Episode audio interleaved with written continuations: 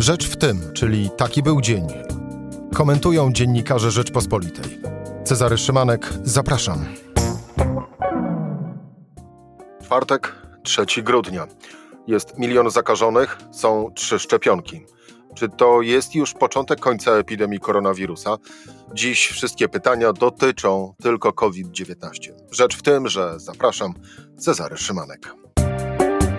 Posłuchaj i wejdź na stronę podcasty.rp.pl. Włącz subskrypcję kanału Rzecz w tym w serwisach streamingowych. Mamy milion zakażeń koronawirusem, mamy mieć szczepionkę na przełomie stycznia i lutego. Moim gościem epidemiolog profesor Marcin Czech, były wiceminister zdrowia. Dzień dobry panie profesorze. Dzień dobry panie redaktorze, witam państwa. To wpierw jeszcze komentarz do tej wczorajszej liczby, czyli przekroczenie miliona zakażonych od początku pandemii w Polsce. To zrobiło na panu wrażenie czy nie? Szczerze mówiąc, niespecjalnie, dlatego że y, no to jest masywna epidemia, w zasadzie pandemia. Y, wirus y, nie respektuje żadnych granic. My jesteśmy licznym narodem w Europie, w związku z czym to, że mamy milion zachorowań przy takiej dynamice, jaka nastąpiła e, w tej tak zwanej drugiej fali, no, nieuchronnie doprowadziła do tego, że, że mamy tyle zachorowań. Tyle tylko, że... ile jest ich w rzeczywistości. No, no właśnie, i ubiegł pan moje pytanie, bo yy, ten milion to jest oficjalnie, a nieoficjalnie może być kilka milionów? Myślę, że nieoficjalnie może być kilka milionów. E, tego oczywiście nie wiemy e, ze względu na pewne e, różnymi czynnikami spowodowane ułomności w, w testowaniu. Delikatnie pan o tym mówi bo ja jestem dyplomatyczny. Natomiast mogę, mogę przytoczyć zdanie ekspertów, którzy e, oceniają, że tych zachorowań e, może być, no powiedzmy, od 4 do 9 razy więcej.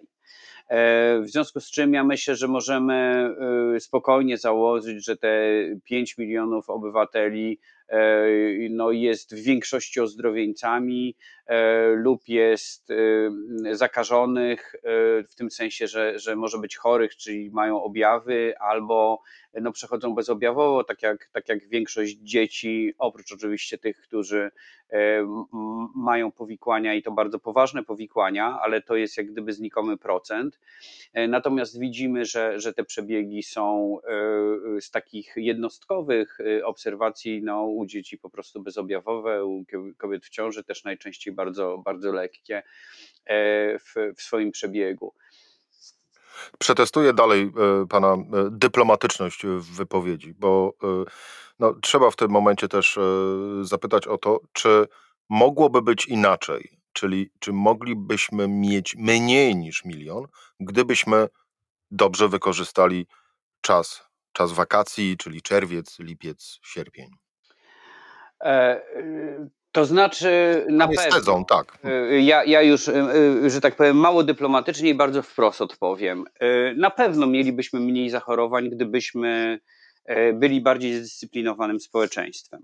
I to no, jakby tych, te przykłady najlepiej znaleźć w Azji, gdzie społeczeństwa absolutnie w, tym, w, tym, w tej swojej wizji, jak gdyby odpowiedzialności za wspólnotę, E, e, krótko rzecz ujmując, bo tam te mechanizmy też są bardziej złożone, e, no, nosili maseczki, zachowywali dystans, stosowali się do wytycznych władz, które no, były jednoznaczne, ułożone no właśnie, e, tu się, epidemicznie. tu się zatrzymajmy na chwilę, panie profesorze, no bo u nas z kolei te zalecenia władz nie były zbyt jednoznaczne, a nawet rzekłbym, były dosyć hura optymistyczne, że wspomnę e, no, pamiętne słowa e, premiera o pokonaniu epidemii, te pierwsze, bo niedawno padły te, te drugie. No można oczywiście y, teraz retrospektywnie oceniać y, y, takie, taką wypowiedź źle. Ja, ja bym pewnie był bardziej dyplomatyczny, bo my po prostu jako ludzie nie panujemy nad tym rozprzestrzenianiem się wirusa i e, no rzeczywiście wyglądało na, tym, że, na to, że ta pierwsza fala opadła. My bardzo dobrze zareagowaliśmy, bardzo szybko na te pierwsze zachorowania na wiosnę. Przymknęliśmy kraj, po, jak te drogi zakażenia poprzerywaliśmy i nas ta pierwsza fala w zasadzie nie dotknęła. To znaczy zachorowań mieliśmy stosunkowo mało, służba zdrowia była całkowicie wydolna, jeśli chodzi o pomoc osobom, którzy ciężej to przechodzili, mieli powikłania, no ale raczej należało się spodziewać, że, że przyjdzie taki moment, że po prostu ta epidemia odżyje, szczególnie jak e, przestaniemy nosić maseczki, jak zaczniemy się e, z powrotem spotykać w dużych grupach, nie, za, będzie, nie będziemy zachowywać dystansu. Ja powiem panu, że e, byłem też na wakacjach w Juracie. I jak wjechaliśmy tam samochodem i zobaczyliśmy, co się dzieje na tych deptakach i molach i wszystkich innych rzeczach, to powiem panu szczerze, my chcieliśmy zawrócić i stamtąd wyjechać.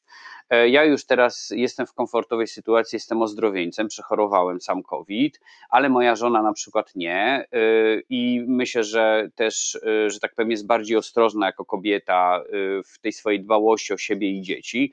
No ona chciała stamtąd wyjechać. Były takie momenty, gdzie ja byłem jedyną osobą w maseczce, która wychodziła na przykład do sklepu tam kupić chleb czy, czy masło. Także to było coś niesamowitego, jak, że tak powiem, to też jest mechanizm pewnie psychologiczny takiego odbicia, wyjścia z lęku również. E, natomiast, natomiast no to, to, to, to musiało się tak skończyć, tak bym powiedział. Było to kuszenie, zaproszenie. No, Niektórzy nazywają to też e, inaczej, bo mówią na to, że e, wirus e, wygrał z naszym polskim poczuciem mm, nieśmiertelności, szczególnie po tej, Ładnie powiedziane, nie słyszałem tego. Po tej pierwszej, po tej pierwszej fali. Panie profesorze, czy najgorsze już za nami w takim razie? Czy, czy de facto my jesteśmy w środku czegoś dużego i nie należy jeszcze odtrąbiać, że, że to najgorsze za nami i że wygraliśmy i że mamy sukces? To znaczy, ja bym był, był tutaj umiarkowanym y, y, optymistą, bo tak naprawdę nasze działania te na poziomie populacyjnym czy na poziomie kraju były nastawione na to, żeby przetrwać z obciążeniami ochrony zdrowia i tego całego systemu, które ona jest w stanie udźwignąć w sensie pomocy chorym, e, powiedzmy najbardziej potrzebującym, ale też diagnozy i tych wszystkich rzeczy y, po drodze do czasu, kiedy będzie szczepionka.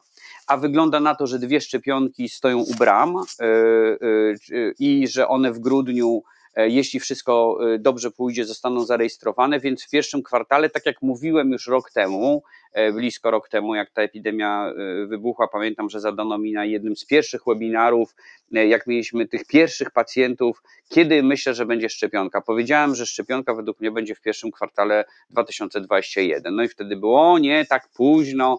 Ja mówię, no bo to po prostu nie jest jakiś automatyczny proces i wygląda na to, że ona będzie. Więc teraz przed nami, znaczy, no, wirus o tym nie wie, tak?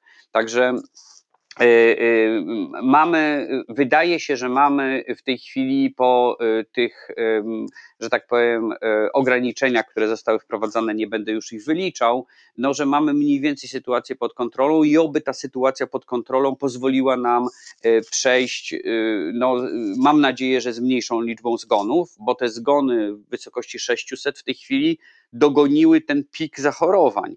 To jest jak gdyby w epidemiologii znane zjawisko, że idzie fala zapadalności, zachorowań i za nią idzie jak gdyby fala zgonów. Więc my jesteśmy na górce tych zgonów.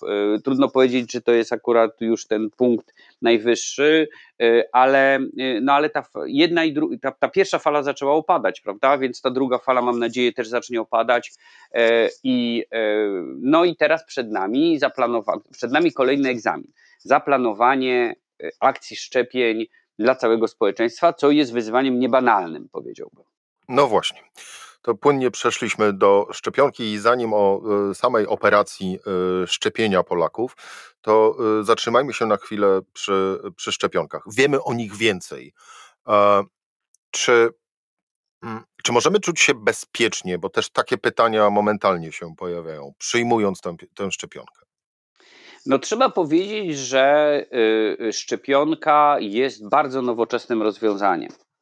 E, bo e, wykorzystywanie e, tego informacyjnego czy messenger mRNA w technologii tworzenia szczepionek, no to jest nowość. Jest to bardzo dobre, bardzo interesujące rozwiązanie. I no, wydaje się, że y, te, ta szczepionka, y, bo, bo, mamy też procedury rejestracji dla leków, dla, dla szczepionek i tak dalej, dlatego trwało to tak wiele miesięcy, że musiały być przebadane w, głównie w badaniach trzeciej fazy, tak się nazywa ta, ta, ta faza przedrejestracyjna, którą troszeczkę między nami mówiąc, chyba Rosjanie e, przeszli na skróty ze swoją szczepionką, bo trzeba pamiętać, że ich była pierwsza, tak? I, I, to nie tylko stosowana w Rosji, ale też na przykład w wielu krajach Półwyspu Arabskiego y, czy Ameryce Południowej.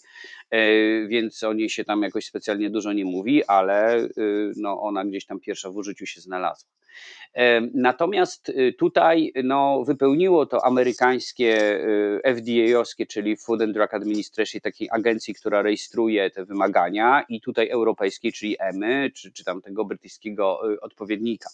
Więc na tyle, na ile zwykle przebadane są leki i szczepionki przy wejściu na rynek, no na tyle ona jest bezpieczna.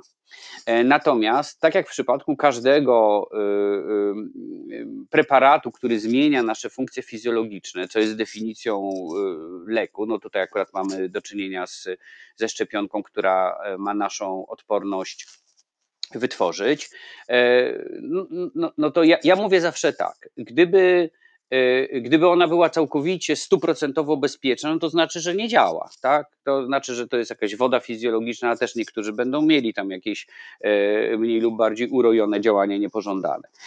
Natomiast trzeba to zdecydowanie oddzielić od takich lęków i e, takich opowieści dziwnej treści, że na przykład, nie wiem, ta szczepionka zmienia materiał genetyczny, no nie zmienia, no to, to, w ogóle są bzdury. Także ja bym, że tak powiem, E, radził e, mieć oczywiście własne zdanie na ten temat. Wiemy e, i o obawach, i o ruchach antyszczepionkowych, no ale te obawy niech będą oparte o jakieś o wiedzę i racjonalne podejście, że tam raczej nie ma żadnych chipów, które potem Marsjanom nadają, gdzie my jesteśmy i Bill Gates to wszystko kontroluje ze swojego biurka joystickiem. To raczej... Profesorze, proszę, proszę nie podrzucać antyszczepionkowcom dobrze, dobrze.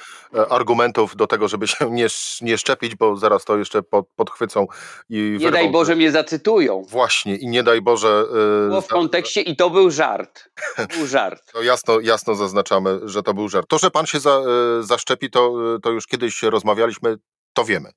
Ja się zaszczepię, no ja jestem w dość komfortowej sytuacji, bo... No bo pan jest e, ozdrowieńcem. Bo ja jestem ozdrowieńcem i e, tak naprawdę w, e, no trudno powiedzieć jak się ułoży ta cała akcja, e, no ale ja mam ten komfort, że mogę nawet zostawić miejsce tym, którzy bardziej będą potrzebowali tej szczepionki szybciej.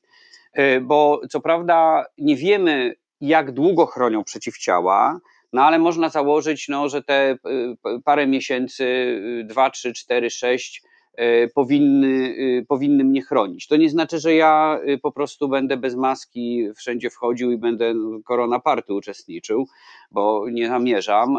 Będę nadal stosował te wszystkie środki, natomiast no, mogę się zaszczepić chwilę później, ale ważąc ryzyka i korzyści, no, na, moja rodzina w momencie, y, y, kiedy będzie mogła być zaszczepiona, no to zostanie zaszczepiona. E, I oby takie podejście miała większość Polaków. I właśnie, i tutaj jest, e, pojawia się e, ważna kwestia. Jaki procent społeczeństwa musi się zaszczepić, żebyśmy mogli mówić o osiągnięciu odporności stadnej? To zależy od Y, to zależy od schorzenia y, zwykle, czyli my mamy różne te poziomy w zależności od, od choroby.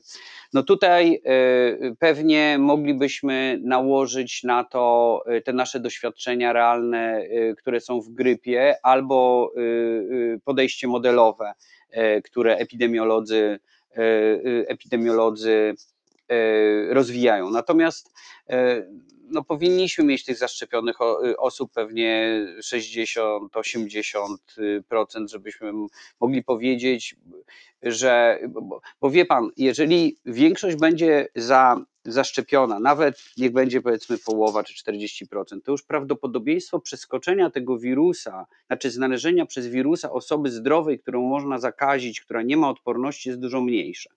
Po pierwsze, szczepionka nie w 100% oczywiście tą odporność y, wytworzy. Y, ale y, no, wiemy tam z tych procentów, że to jest ponad 90% tej ochrony definiowanej w odpowiedni sposób. Więc ten wirus jak gdyby nie ma gdzie przeskoczyć, ale ja, ja podając te wysokie liczby mówię o sytuacji takiej, że no bo w naturalny sposób chyba zwracamy uwagę na tych najsłabszych. Mam na przykład Y, y, osobę, która nie może przyjąć szczepienia, ma wrodzoną wadę y, układu immunologicznego i zaburzenia odporności.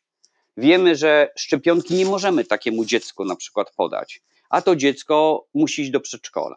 W związku z czym, w, w, czy do szkoły. W związku z czym w szkole osoby dookoła powinny być zaszczepione, żeby zapewnić bezpieczeństwo w tym kokonie tej osobie, która jest nieszczepiona. Ta osoba nie będzie miała od kogo się zarazić. I to jest idealny model y, akcji szczepień, która y, no, znacznie redukuje zachorowania. Proszę popatrzeć na y, odrę, świnkę i różyczkę. Jak mamy znikomą liczbę zachorowań w tej chwili na te choroby zakaźne dzięki masowej akcji szczepień. No i dzięki temu, że one były obowiązkowe. I dzięki temu, że one były obowiązkowe. Rozumiem, że następne pytanie będzie, co pan sądzi, czy one powinny być obowiązkowe, czy nie, nie powinny być obowiązkowe. No ja mam zdanie na ten temat. Które brzmi? Że powinny być obowiązkowe. E, chociaż jestem osobą głęboko demokratyczną, e, to, to myślę, że tutaj jest to sprawa odpowiedzialności po prostu całego społeczeństwa za tych za, za, za te osoby w społeczeństwie, które są właśnie najsłabsze. E, y, no nie wszyscy zdają sobie z tego sprawę i powiedziałbym y, też dyplomatycznie, że, że no w społeczeństwie są pewne rezerwy, jeśli chodzi o dogłębną wiedzę o tym, jak, jak, jak ta cała wirusologia, jak ta cała pandemia, czy, czy właśnie e, prewencja pierwotna w postaci szczepień działa, jak, jak te mechanizmy działają, w związku z czym Y, no ja bym zrobił to, y, y, znaczy zaplanowałbym tak, żeby to były szczepienia obowiązkowe. Ale jestem po wielu godzinach dyskusji ze znajomymi, którzy absolutnie, także co chcę powiedzieć, rozumiem również takie podejście, gdzie to jest dobrowolne. Myślę, że w Polsce będą to dobrowolne szczepienia i no i też jakby, no, te, też widzę rację, tak powiem.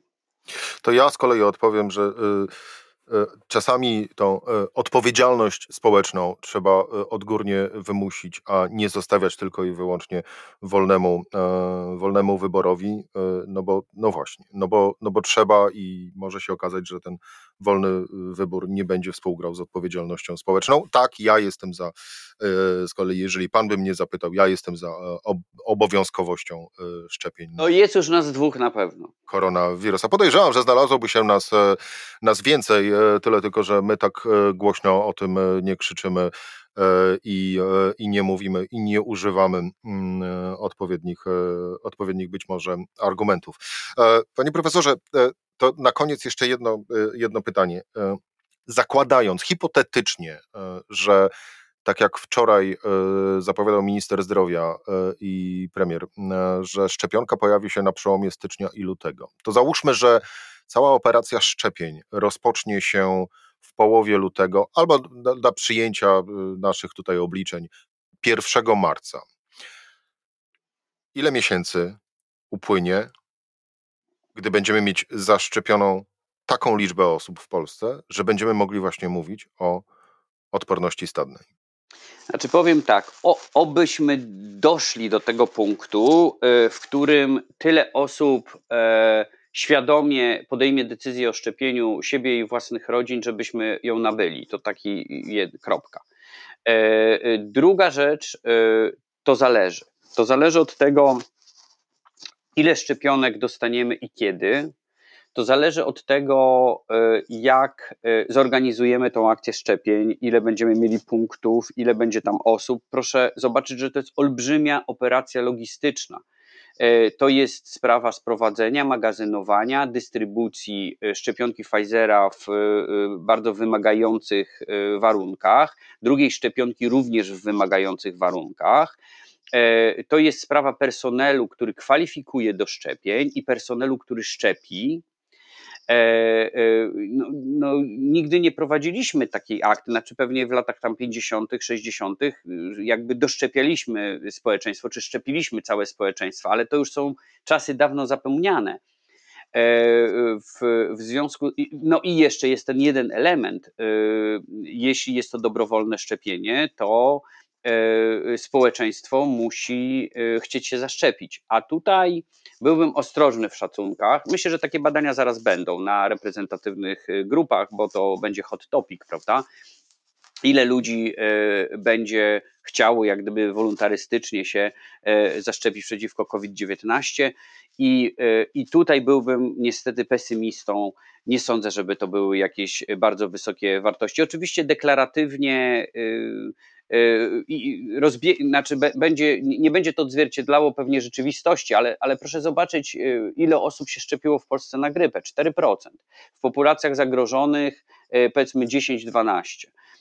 W, nawet w populacjach medyków, gdzie na tacy za darmo i w dogodnych, że tak powiem, w dogodnym czasie ta szczepionka jest dostępna, czy była dostępna w poprzednich latach, to było około 20% to nie są liczby. Ja wiem, że grypa, ale grypa też potrafi zabijać y, bardzo skutecznie w różnych mechanizmach powikłań. E, no owszem, o covid każdy słyszał i, jakby y, ta, ta, ta wiedza, że tak powiem, ta dawka wiedzy jest większa na pewno. Ale ja nie jestem przekonany, że to będą jakieś y, miażdżące ilości. No to wrócę, wrócę do tej linii czasu. To jak zaczniemy w marcu, to co, do końca przyszłego roku jest szansa na to, że przynajmniej tych, którzy chcą, zaszczepimy? Myślę, że tak. Myślę, że tak.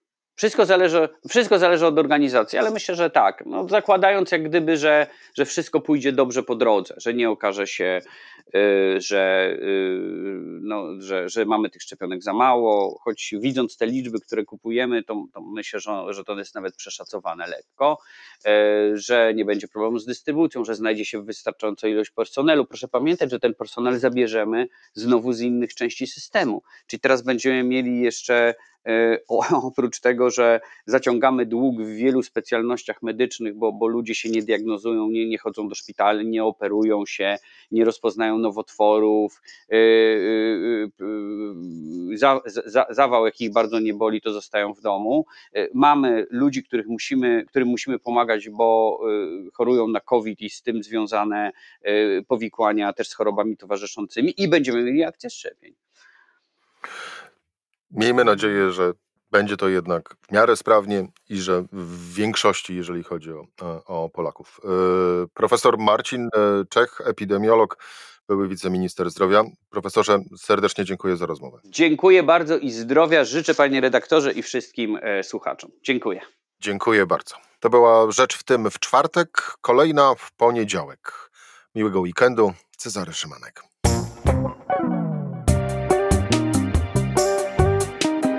Rzecz w tym to codzienny program Rzeczpospolitej. Od poniedziałku do czwartku o godzinie 17. Wejdź na stronę podcasty.rp.pl, włącz subskrypcję kanału Rzecz w tym w serwisach streamingowych. Cezary Szymanek, zapraszam.